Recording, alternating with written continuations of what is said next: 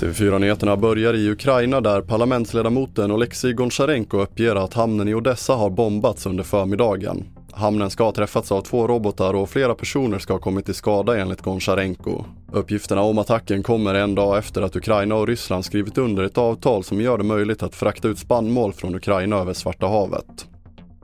Och stölder av batterier från mobilmaster har fått spridning i landet. I norra Skåne utreds just nu nio inbrott som kunde fått allvarliga konsekvenser för samhällsviktiga funktioner som larmtjänster och sjukvård. Och det är inga internationella ligor som tros ligga bakom. En tänkbar ett användningsområde är, eh, har vi sett, eh, kan ha med, med bilburen ungdom eller med bilintresse att göra och framförallt kopplat till stereo, bilstereoapparater.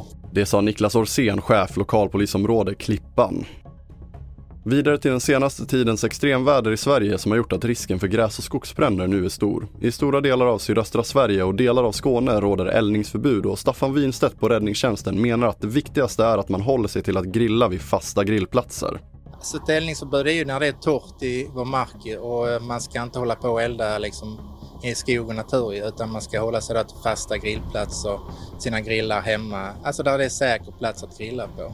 Det ska ju vara så att du har en grill som kommer på ben och inte kan stråla eh, värme mot gräs eller liknande eller kan ta sig i skog och mark utan dra inte ihop stenar på något sätt för att det kan gå ner i marken och sen går man därifrån och sen kan det eh, ligga och pyra i marken. Och hela listan över kommuner med eldningsförbud hittar du på tv4.se.